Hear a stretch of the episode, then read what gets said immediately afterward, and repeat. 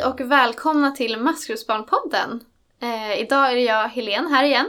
Eh, och idag har jag med mig en gäst. Det är vår ambassadör Emelie Walles. Välkommen! Tack snälla, så kul att vara här. Jätteroligt att ha dig här.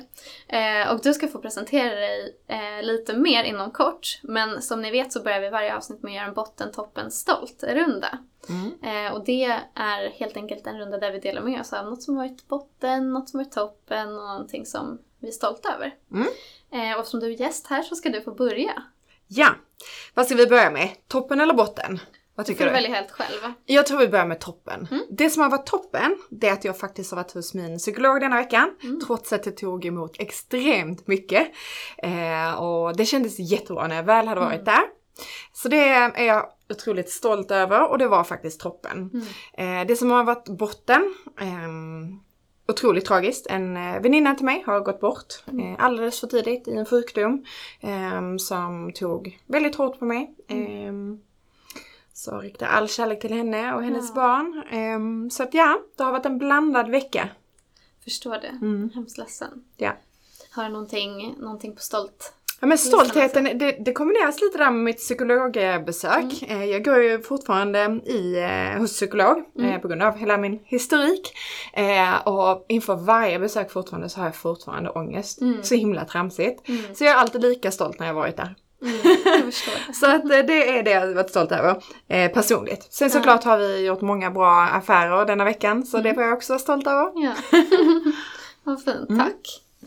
Eh, min botten är nog eh, att eh, hösten har kommit och mörkret och det är inte min favoritårstid för jag tycker att det är så mörkt och då blir jag så trött. Mm. Sen tycker jag att det är fina färger också med löven så det är väl eh, det fina med hösten men annars så tycker jag att eh, det är tråkigt att sommaren är över. jag saknar det redan. Oj. Eh, toppen är nog att ehm, vi har gjort så många roliga saker. Vi har haft lite så här påverkansworkshop med ungdomarna här på Maskrosbarn och det är så häftigt att få ta del av alla kloka tankar som de har och det är så häftigt när vi skapar nya saker tillsammans tycker jag. Mm. Eh, så det är nog min toppen och också min stolt över att jag blir så upprymd över att vi gör så bra grejer Mm. eh, tillsammans med ungdomarna. Så det är jag nog stolt över. Härligt, det ska det vara. Ja, tack.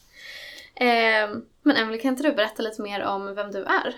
Jo, alltså det är den här frågan som jag alltid tänker så bara okej, hur lång tid har vi på oss? Ja. Vi kör den uppspeedade versionen. Ja. Ja men Emelie och jag, jag är en stolt tvåbarnsmamma till en kille på snart 15 och en kille som är snart 6 år. Eh, multientreprenör, investerare och influencer. Mm, Driver flera bolag. Eh, och eh, det är väl egentligen stort sett det jag gör. Ja. Eh, och delar med mig av mitt liv på sociala medier. Mm. Föreläser lite och eh, ja, men jag gör allt. Mm. Mellan himmel och jord. Det är så häftigt och jag har ju eh, så här, följt dig ett tag och så här, kollat din Instagram och kollat din blogg och Youtube och allting och så tänkte jag så här, hur ska jag presentera dig för att du Ja. gör så många olika saker. Det är därför jag alltid skrattar när jag får den frågan. Ja, Så jag nu, nu börjar jag bara, ja men jag är multientreprenör och Ja. investerare och eh, ja, influencer. Men vad är, eh, vad är multientreprenör? Vad innebär Ja, det? ja men precis. Det är väl egentligen att jag inte bara driver ett bolag utan helt plötsligt så driver jag fyra bolag. Jag sålde Mm. ett och så investerar jag i ett nytt och sen så engagerar jag mig i olika projekt och sådär. Eh, Så det är väl definitionen på att man är en galen människa som bara älskar att jobba. Ja. Eh, och jag tycker det är fantastiskt roligt Mm. att driva och skapa och känna att jag, att jag gör någonting. Eh, och, mm. Vad roligt. Mm. Vad är det för bolag som du driver? Vill du berätta om dem? Ja, självklart. Eh, ett är ju Emelie Walles AB som driver mina sociala medier. Mm. Eh, min blogg och Instagram och YouTube. Eh, och sen så driver jag Magic Steps som är ett skoföretag. Mm. Som är eh, asschyssta skor till bra priser för tjejer typ mellan 18 och 35. Mm. Eh, sen så driver jag en mediebyrå som jobbar främst med content marketing till mina sociala medier och till Mm. Magic Steps. Och sen har jag investerat i ett nytt bolag som jobbar med träning och hälsa. Där vi jobbar med allt ifrån eh, personlig träning till träningsscheman på eh, online och ja. Mm. Så det är det. Gud vad häftigt. Mm. Massa också olika saker. Ja, men jag har alltid gjort olika. Ja. Jag är inte bra på en speciell sak. Jag pratade om det igår, bilresan på vägen upp. Att många entreprenörer är duktiga på, ja men de har kommit på en, en sak liksom. Mm. Och så är de skitgrymma på att tillverka den här skon till Mm. exempel. Men jag kan ingenting om skor, men jag säljer skor. jag har varit i alla branscher. Eh, så jag är duktig på att se helheten och driva företag. Så Ja. ibland behöver man inte ha någon så specifik eh, kunskap, utan Nej. min kunskap är att driva företag. Och så. Mm. Mm. Det är ashäftigt tycker jag. Ja. Eh, och jag, jag som gillar foton tycker Mm. att det, det märks ju att så här, du kan din grej också för du har så himla fina foton på din blogg Tack. och på din Instagram tycker jag. De är så fina. Ja, det är min eh, kreativa sida som får Mm. lov att komma fram och där jag gillar att skapa. Och, eh, men det enda som jag vill så här tillägga med det med att för mig är foto konst. Mm. Så att det är väldigt så här, det är väldigt redigerat färgmässigt och ändå väldigt stageat. Min eh, äldsta son han är ju snart 15 då. Han, eh, han har ju en väldigt sund syn på sociala medier för han skrattar Mm. åt alla oss influencers. Han bara, ja men säkert att det var ditt morgonkaffe, ha ha ha. för han vet hur jag drar fram tecken och använder så här, du, stagear så himla mycket. Ja. Så eh, man får inte glömma bort det. Att Mm. bakom eh, det här Instagramflödena så finns det en verklighet. Men då kan man följa mig Precis. på Instastory. Där, Ja. där får man se den med eh, sanna bilden. Ja. ja men det är faktiskt en jättebra poäng att Mm. så här, eh, Instagram är liksom en bild av hur, Ja. hur ens liv är. Det är ju liksom inte hela bilden av Nej. hela livet eller tankar och Precis. känslor och så vidare. Nej. Det har du rätt i. Mm. Men eh, du är också ganska ärlig tycker jag på din blogg med hur ditt Mm. liv ser ut och så hur du mår och sånt där. Det var väldigt viktigt för mig. Mm. Eh, för jag vill inte skapa en bild av mig som någon... För det är många som skriver till mig så åh gud vilket perfekt liv du har Mm. och gud vilket drömliv. Bara, Fast ja, om jag också bara hade tittat på mitt Instagramflöde så hade jag Mm. också tänkt wow, men det är Mm. inte så att jag ligger på en solstol eller i Nöken var och varannan dag. Nej. Jag är ju på alla de här ställena, jag gör Nej. allting men det finns ju en människa bakom. Mm. Eh, och ehm, för mig som då har barn som är i en ålder som är väldigt lättpåverkade så Mm. kände jag ganska tidigt att oj, jag måste verkligen förmedla Mm. en, den sanna bilden. Mm. Vad är det du skriver om på din blogg? På min blogg så skriver jag mycket om min vardag, eh, men också ganska så djupare inlägg. För det blev min ventilation och jag ska faktiskt vara öppen och ärlig och säga att bloggen var min första kanal till att faktiskt berätta om min historia. Mm. Innan dess har jag dolt den. Så det är ganska så... eh, Det är inte så många år sedan jag faktiskt har valt att berätta om Mm. det. Men jag kände bara att här har jag en chans att faktiskt förändra. Mm. Eh, och eh, jag slutade skämmas för att med att jag började dela med mig lite grann så började fler och fler människor skriva till mig och Mm. känna igen sig och både skriva att ja, men jag fick hjälp av att läsa det eller ja men jag har också upplevt det. Och då insåg jag att ja men jag är ju inte en sämre person för det och jag behöver inte skämmas för det för det är ju inte jag som har gjort allt det här Nej. hemska. Eh, så eh, det skriver jag mycket om på bloggen så det har blivit min så här kanal där jag ventilerar. Mm. Ehm, mycket självhjälp. Ja. sen, Ja. eh, sen är det såklart intressant för folk att läsa men, men jag skriver det faktiskt från, för mig själv och från Mm. mitt hjärta. Ja, vad fint att det blev Mm. en, sån, Ja. en sån grej liksom. Eh, men du är ju ambassadör hos oss. Mm. Och det innebär ju att du eh, hjälper oss att prata om maskrosbarn utåt och i dina kanaler. Och det har ju du gjort redan ganska mycket tycker jag. Mm. Eh, och eh, ja, men du, du blir som ett ansikte utåt eh, Mm. för vår organisation. Mm. Och det är vi jätteglada över. Mm. Och det är jättekul. Hur kom det sig att du blev ambassadör för oss? Det var nämligen så att jag, jag kände att ja, men, det är dags för mig att göra skillnad på ett eller annat vis. Mm. Eh, så jag letade bland en massa olika organisationer. Eh, och så fastnade jag för er. För jag själv är ett maskrosbarn Mm. och eh, jag blev inte alls sedd när jag var yngre och jag kände att det fanns inga förebilder. Det fanns liksom Alltså för mig var det bara ett svart mörker. Jag försökte Mm. ta mitt liv när jag var 12 år för första gången. Och så kände jag bara, om jag kan bara rädda en människas liv genom att berätta att, alltså, se, jag, jag vill inte måla upp mig själv som att, åh, se på mig, gud vad lyckad jag är, men jag lever i alla fall inte i den misären jag är uppvuxen i. Mm. Så om jag bara kan visa någon 12-åring eller någon 15-åring att när du väl flyttar hemifrån, när du väl har gått ut skolan där alla bara det skällde på mig, Mm. så kan du faktiskt skaffa dig ett liv. Mm. Eh, och jag är superlycklig idag och har en fantastisk familj. Eh, så det var därför jag kände att ja, men, om det är något ställe jag kan göra skillnad på så Mm. är det här. Mm. Ehm, jag är inte alls utbildad. Ehm, jag har ingen kunskap i vad som är rätt och fel att säga. Jag kan bara berätta min historia. Mm. Och jag kan bara visa att ja, fastän det kan gå väldigt fel i din barndom så kan det vända. Mm. Och det är nog det jag skulle ha velat se när jag var yngre. Mm. Vad fint. Mm. Vad kul att du hittade hit. Ja. Um, men du kom in på det lite själv och sa att eh, du också själv är ett maskrosbarn. Mm. Eh, och därför också så känner du för den här organisationen. Mm. Vill du berätta lite om varför mm. du säger att du är ett maskrosbarn? Eh, men jag är uppvuxen eh, i en familj eh, där första delen efter eh, min mamma och pappas skilsmässa så träffade min ma mamma en man som var alkoholist, drack mycket, väldigt aggressiv i sitt beteende. Eh, och alla vi som växer upp med alkoholister kan förstå hur, hur hemskt det är och även om man inte mm. växer upp med det så kan man nog förstå hur det kan se ut i en sådan familj. Mm. Eh, och det var väldigt jobbigt. Och efter det så kom det in en ny person i mitt liv som eh, eh misshandlade mig extremt mycket psykiskt med tystnad i, i årtal. Mm. Eh, där jag kände mig eh, extremt oönskad. Jag var extremt oönskad mm. och fick inte lov att ta plats, skulle vara tyst, man pratade inte med mig. Jag, jag, jag, liksom, jag fanns inte. Mm. Um, och um, Det är ju fruktansvärt att bli utsatt för det som, som barn och mm. liten. Uh, och, ja, uh, det, det, det, är svårt att sätta ord på. Mm. för att inte vad ska man säga, hänga ut någon. Eh, för det vill jag inte göra utan mer att, att jag det var en familj, den fungerade inte som den skulle. Mm. Jag fick inte den kärleken och uppmärksamheten jag bo, borde få.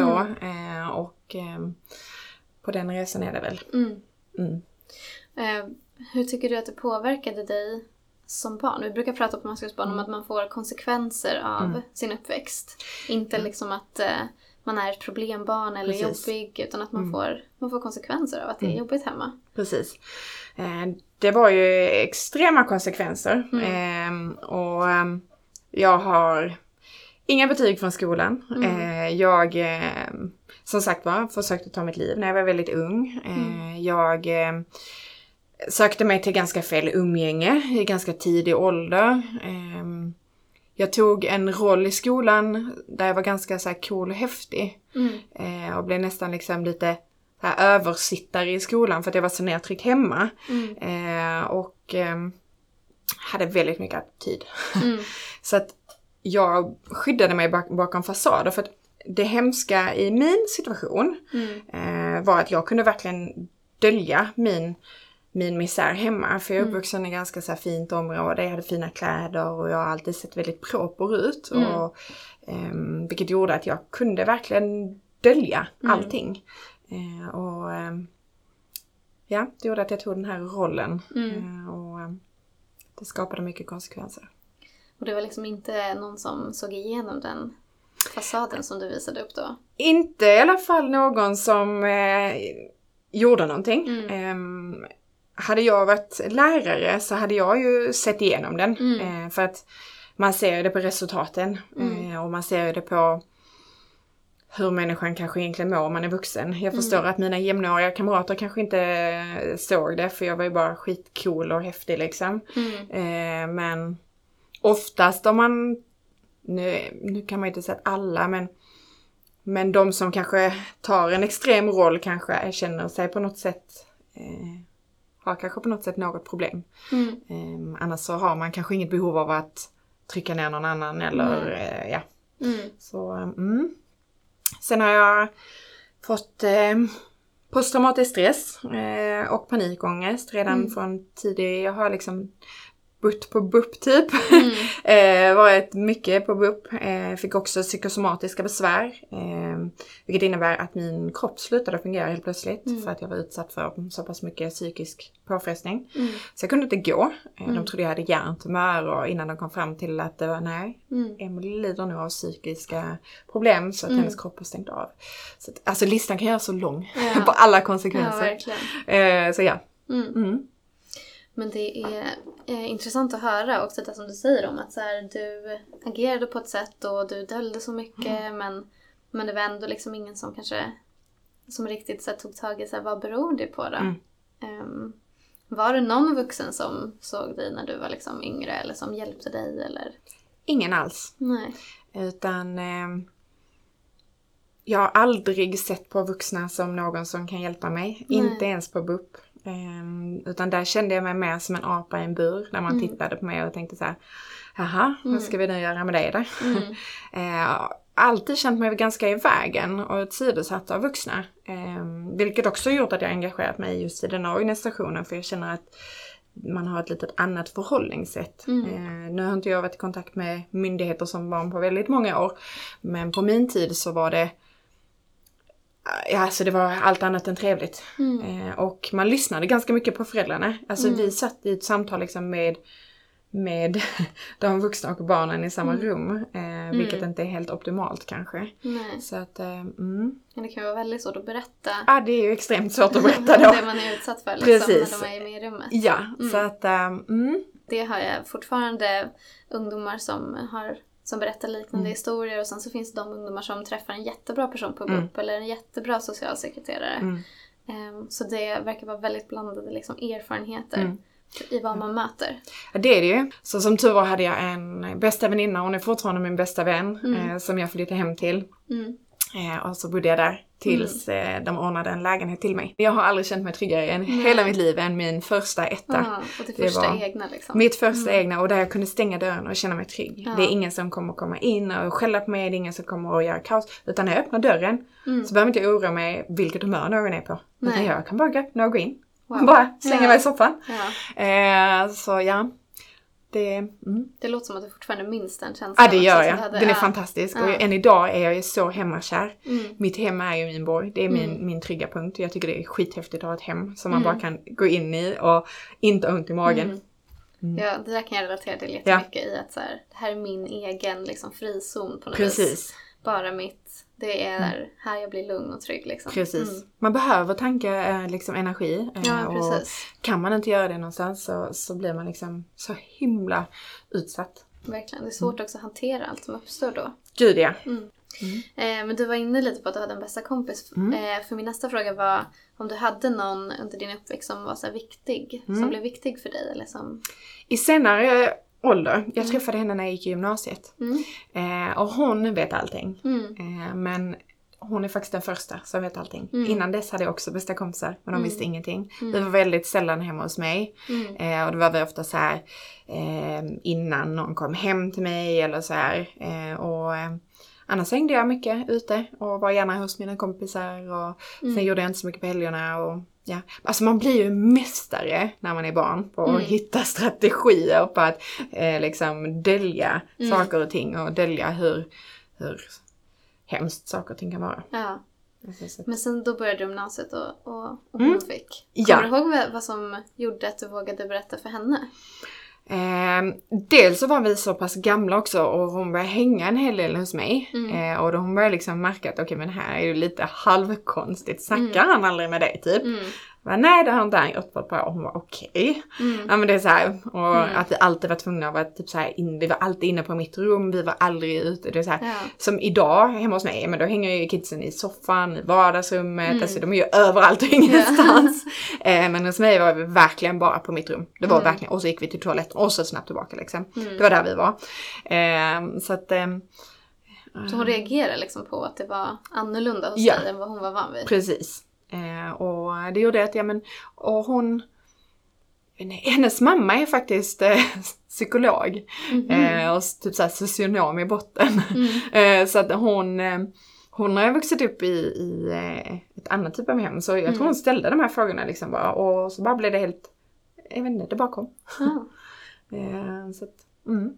Häftigt. Mm. Och ni är fortfarande bästar idag? Ja det är vi. Vi oh, är ju siamesiska tvillingar, ja. kallar vi oss för. Ja. Eh, och det är jättehärligt. Ja. Mm. Gud vad fint. Um, har du något så här, eh, någon punkt i livet eller vad, vad, var det som gjorde att det liksom började bli bättre för dig? Vad var det som gjorde att du... Ja, eh, ja alltså den största vändpunkten var, jag fick eh, eh barn ganska tidigt. Jag var 21 år gammal när jag blev gravid. Mm. Eh, och det blev min stora vändning. Mm. Dexter har räddat mitt liv. eh, på så många olika sätt och vis. Eh, innan dess var jag ganska orädd om mitt liv och mm. tyckte att alla var dumma i huvudet och jag liksom bara kände mig typ nästan till, inte odödlig för jag brydde mig inte om jag levde eller om jag mm. liksom, helt galen. Mm. Eh, och Sen så fick jag Dexter och första gången jag tittade han in i ögonen så tänkte jag bara oj, nej nu måste jag förändra allt. Mm. Um, och um, för den dagen så bestämde jag mig för att uh, nu ska jag bli världens bästa mamma. Mm. Jag, Okej, okay, jag har ingen aning hur jag ska bli det. så jag började plugga en massa och jag yeah. uh, läste även hur mycket böcker jag läste, gick på alla mammakurser mm. och, amen, uh, och, um, och bara kände att jag har chansen till att faktiskt förändra mm. någonting. Mm. och, alltså jag blev tårögd bara jag tänker på det. Mm. Alltså det var verkligen Nej, den där blicken, den förändrade ja. allt. Eh, och tragiskt nog så kom det inte förrän då. Mm. Eh, hade jag haft eh, någon vuxen kanske i, i min närhet tidigare eh, så hade det säkerligen kommit tidigare. Mm. Men det gav mig en anledning till att leva. Mm. Det låter också som det handlar mycket om att så här, du bestämde dig för att jag kan förändras ja. och jag vill förändras. Mm. Och då gjorde du det. Precis, och det är ju mm. det, är det jag har lärt mig idag, att jag sitter ju själv i rodret i mitt liv. Mm. Och det är det som är så himla viktigt, men det är också så jäkla svårt att, att, att veta när man är ung. Mm. Att jag har makten att förändra när jag blir lite äldre. Ja. För när du är ung Alltså när du är, alltså du kommer ingenstans. Alltså när du är åtta vad ska mm. jag ta mm. vägen? Vet du hur många gånger jag har försökt rymma? Alltså mm. jag kommer inte så långt liksom. Alltså, vad, vad ska jag ta vägen? Yeah. Det var bara till att gå hem igen. Yeah. Eh, så att, men att man får ett hopp att längre fram, att mm. det, det går att förändra. Mm. Eh, och jag om något har, har verkligen eh, förändrat. Mm. Jag har förändrat allt och jag har liksom gjort en sån här pakt med mig själv. Mm. Att eh, från och med mig ja. så ska ingen i vår familj med vårt efternamn eh, leva så som jag är uppvuxen. Yeah. Eh, vi ska ha ett så här kärleksfullt hem där alla yeah. är välkomna och där vi liksom prioriterar kärlek, uppmärksamhet och ja. Mm. Det låter som en väldigt fin pakt. Ja, yeah. eh, och eh, jag ska berätta en sjukt rolig grej. Så vi kan skratta allihopa lite åt det. Jag, jag, ska, jag har skojat mycket om att jag ska göra en oljemålning på mig själv i en stol som alla ska bära med sig genom hela släkten. Att det var hon som förändrade. Så kommer de typ som 200 år, vem är tanten på väggen? Ah, det var någon som förändrade historien. Jag har verkligen gjort det till en sån grej att jag, jag ska förändra historien i vår mm. familj. Liksom. Eh, mina barn skrattar otroligt mycket åt det. Och bråkar bara, jag vill inte ha den tavlan. Men ja. Så, eh, mm. Det låter jättefint. Mm. Eh, och det är en så himla fin eh, ett fint tips på något vis som du säger i din egen historia här i att så här, om man vill så kan man förändra och som du säger mm. det är mycket svårare när man är liten för yeah. att så här, det är vuxna som ansvarar för en och bestämmer, Precis. man har inte alls lika mycket makt men att ju äldre man blir desto mm. mer makt får man över att kunna yeah. bestämma över sitt liv.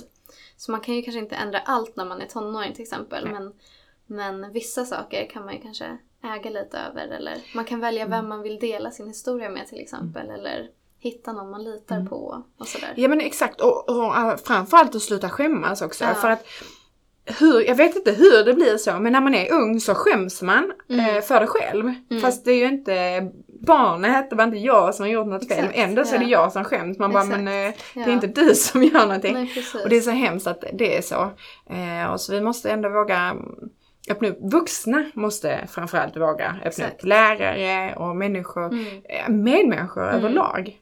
Alltså vi vänder eh, alltså andra kinden till hela tiden. Jag tycker det är fruktansvärt. Ja. Um, Mm. Verkligen.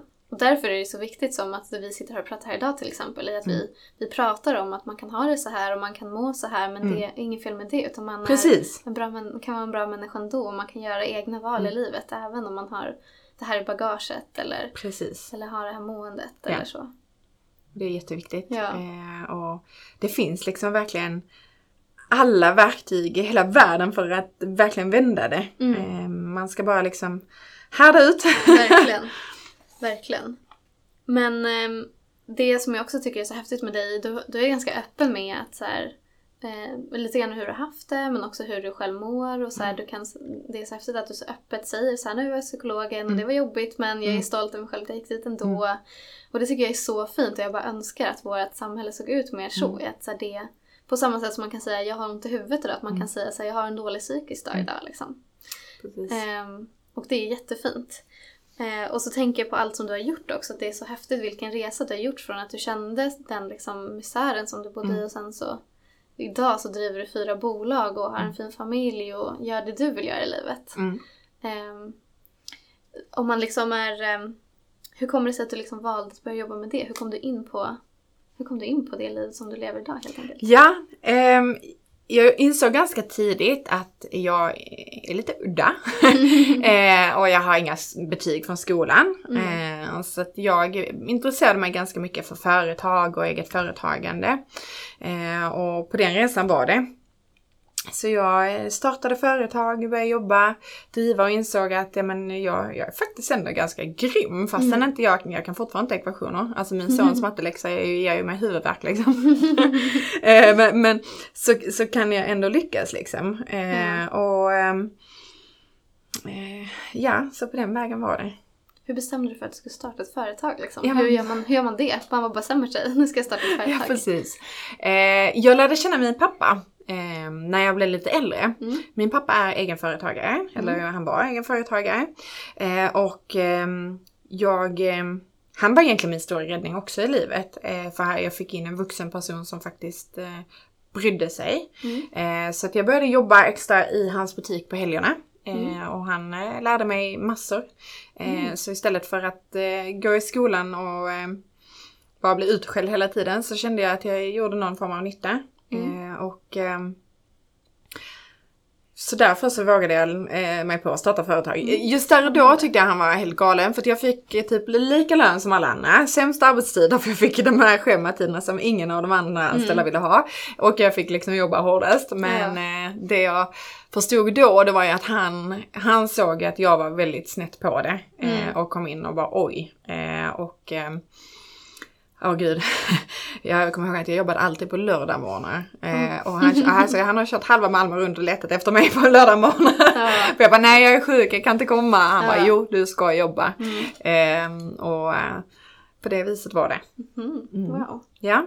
Kul. Mm. Eh, så om man liksom eh, lyssnar nu på podden och skulle vara intresserad av att också eh, driva egna företag mm. eller sådär. Eller starta en blogg eller vad det nu kan vara. Hur, har du något tips till de som lyssnar? Eh, ja men det är bara att köra. Starta en blogg är bara att köra. Mm. Det finns eh, extremt många olika portaler du kan börja eh, på. Ehm, och eh, starta företag. Eh, ja men där handlar det egentligen om att ha, men, ha en idé, en vision om vad du vill göra. Eh, mm. Och sen så vända dig till rätt människor. Det finns många mentorer man kan vända sig till. Det finns många startup eh, communities och mm. det finns eh, hur mycket möjligheter som helst. Och ehm, man behöver inte skärmbetyg från skolan eh, för att eh, driva ett lyckat företag. Liksom. Mm. Däremot behöver man en stor vilja, en stor mm. passion, en enorm drivkraft och ett helt galet arbetsschema. Ja. Men ja, ingenting är omöjligt. Nej, ingenting är omöjligt. Alltså absolut inte. Mm. Och um, det är väl just det jag vill förmedla, att trots att man växer upp under helt fel omständigheter, att eh, mm. lärarna bara totalt mm. hatade mig. Eh, alltså jag blev liksom verkligen, de tyckte att jag liksom, ja men jag skulle aldrig komma någonstans. Nej. Det var liksom deras det var deras dum när jag mm. hoppade av gymnasiet. De bara, men alltså du kommer aldrig komma någonstans. Mm. Jag bara, nej, nej, nej då. Eller? Eller.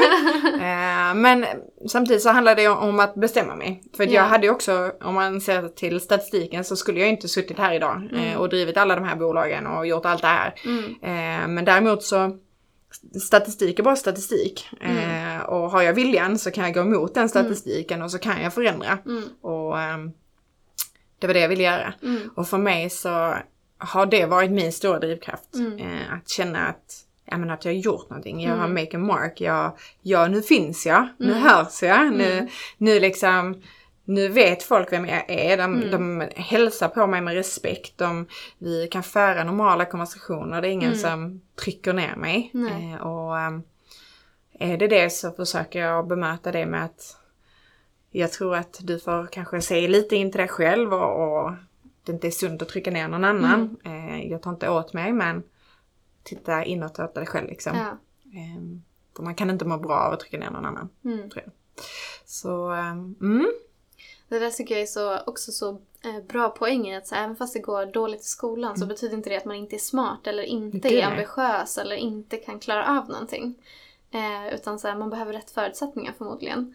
Eh, och att man kan vända det ändå. Mm. Även om man fick en dålig start i mm. livet så går det att Gud ja, och, och grejen är så man behöver inte bara starta företag. Man kan, eh, man kan börja praktisera hos ett företag. Man kan, mm. alltså man kan göra så himla mycket.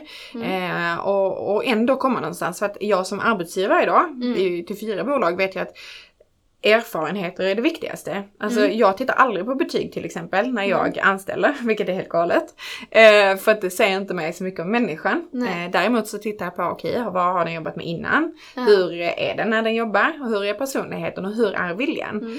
Mm. Eh, och ehm, jag vet inte om det har med min bakgrund att göra för att jag, mm. jag inte har några betyg och jag känner att eh, vi missar så många starka förmågor i mm. samhället mm. genom att titta på massa betyg. Och jag inte, det känns som att vi i Sverige fokuserar väldigt mycket på det. Mm. Eh, och, eh, så det finns de möjligheterna att göra.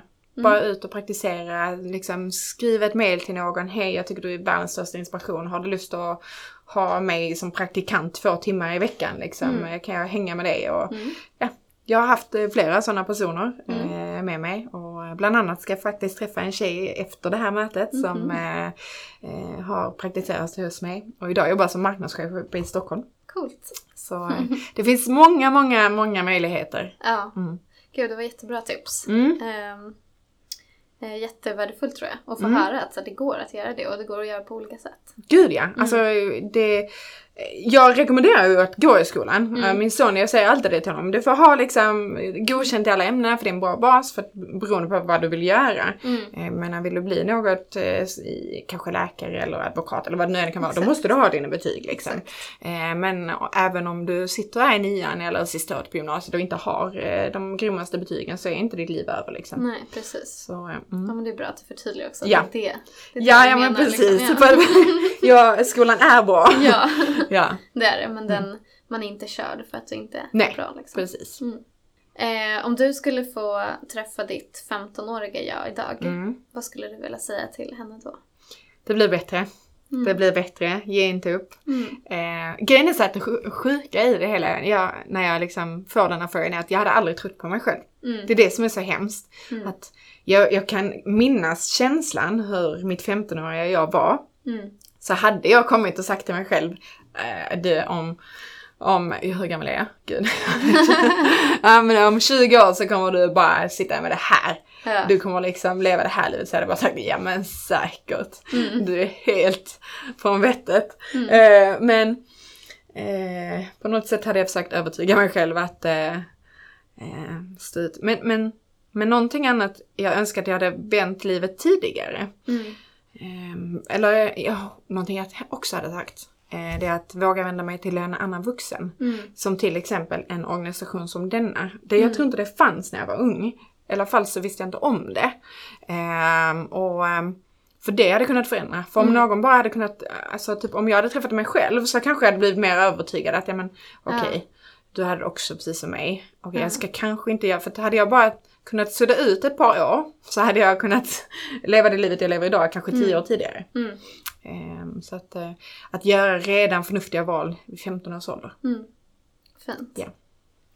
Eh, och om du skulle få skicka med dig någonting till dig själv om fem år, vad skulle det mm. vara?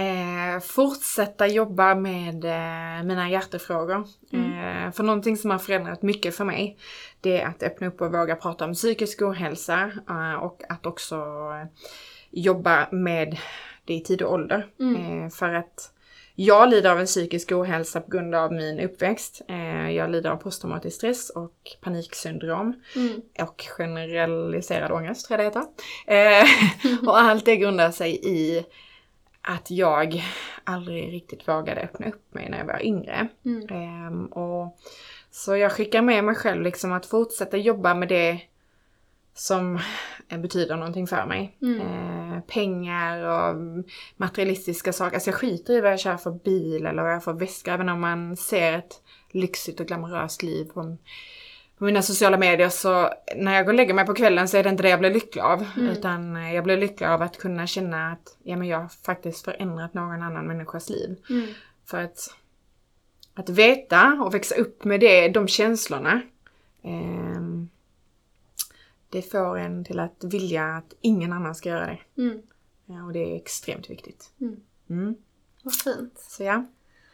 Tack så jättemycket Emily för att du har kommit hit idag. Tack själv. Eh, det var jätteroligt att få prata med dig och eh, tack alla ni som har lyssnat. Eh, vi hörs igen nästa månad. Ha det så bra. Hej då! Hej då!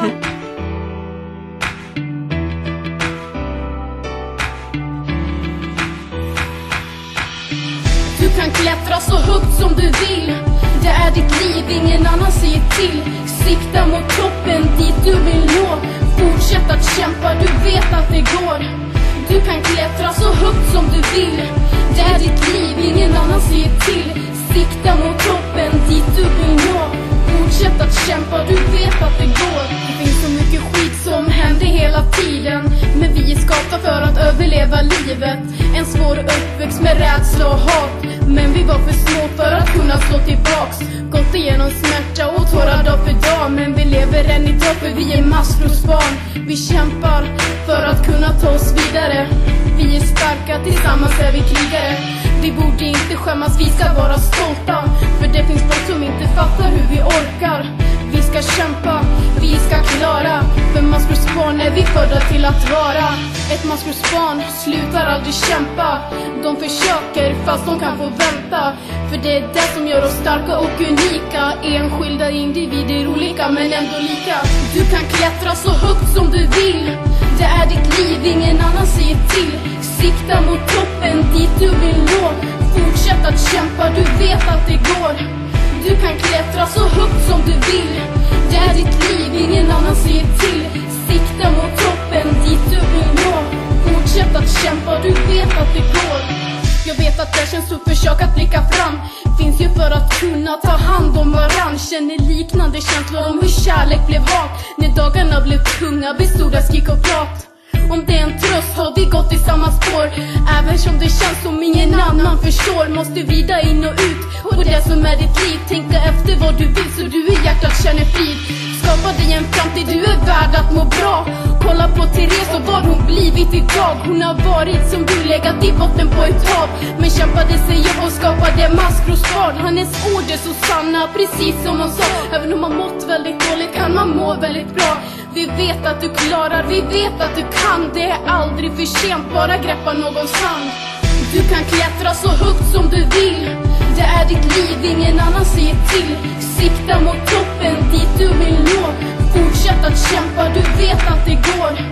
Du kan klättra så högt som du vill. Det är ditt liv, ingen annan säger till. Sikta mot toppen, dit du vill nå. Fortsätt att kämpa, du vet att det går.